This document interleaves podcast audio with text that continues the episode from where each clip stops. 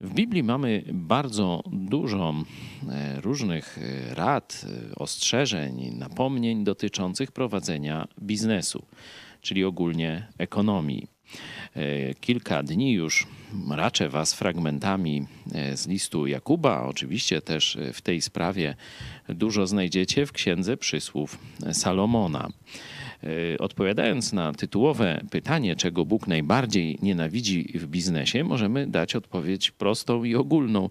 No, nienawidzi nieuczciwości, e, ale ta nieuczciwość może mieć różne oblicza i w liście Jakuba jest przedstawione szczególne oblicze nieuczciwości w biznesie. Piąty rozdział od pierwszego wersetu. A teraz wy, bogacze, Płaczcie i narzekajcie nad nieszczęściami, jakie na was przyjdą. Bogactwo wasze zmarniało, a szaty wasze mole zjadły. Złoto wasze i srebro zaśniedziało, a śnieć ich świadczyć będzie przeciwko wam i strawi ciała wasze jak ogień. Nagromadziliście skarby w dniach, które się mają ku końcowi. Oto zapłata zatrzymana przez was robotnikom, którzy zrzeli pola wasze, krzyczy, a wołania żeńców dotarły do uszu Pana zastępów. Żyliście na ziemi w zbytku i w rozkoszach, utuczyliście serca wasze na dzień uboju.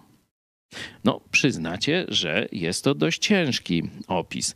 E, pierwszy taki poważny błąd to, że w momencie, kiedy pieniądze powinny być inwestowane w Boże sprawy, one zostały przez tych ludzi gromadzone dla siebie, ale jeszcze gorsze, wręcz to wołanie, krzyk, który dotarł przed oblicze Boga, to jest brak zapłaty dla ludzi, którzy dla was pracowali. E, dzisiaj można to rozwinąć też na oszukiwanie kontrahentów, podwykonawców i tak dalej. Bóg tego nienawidzi. Bóg się o tę krzywdę upomni u was.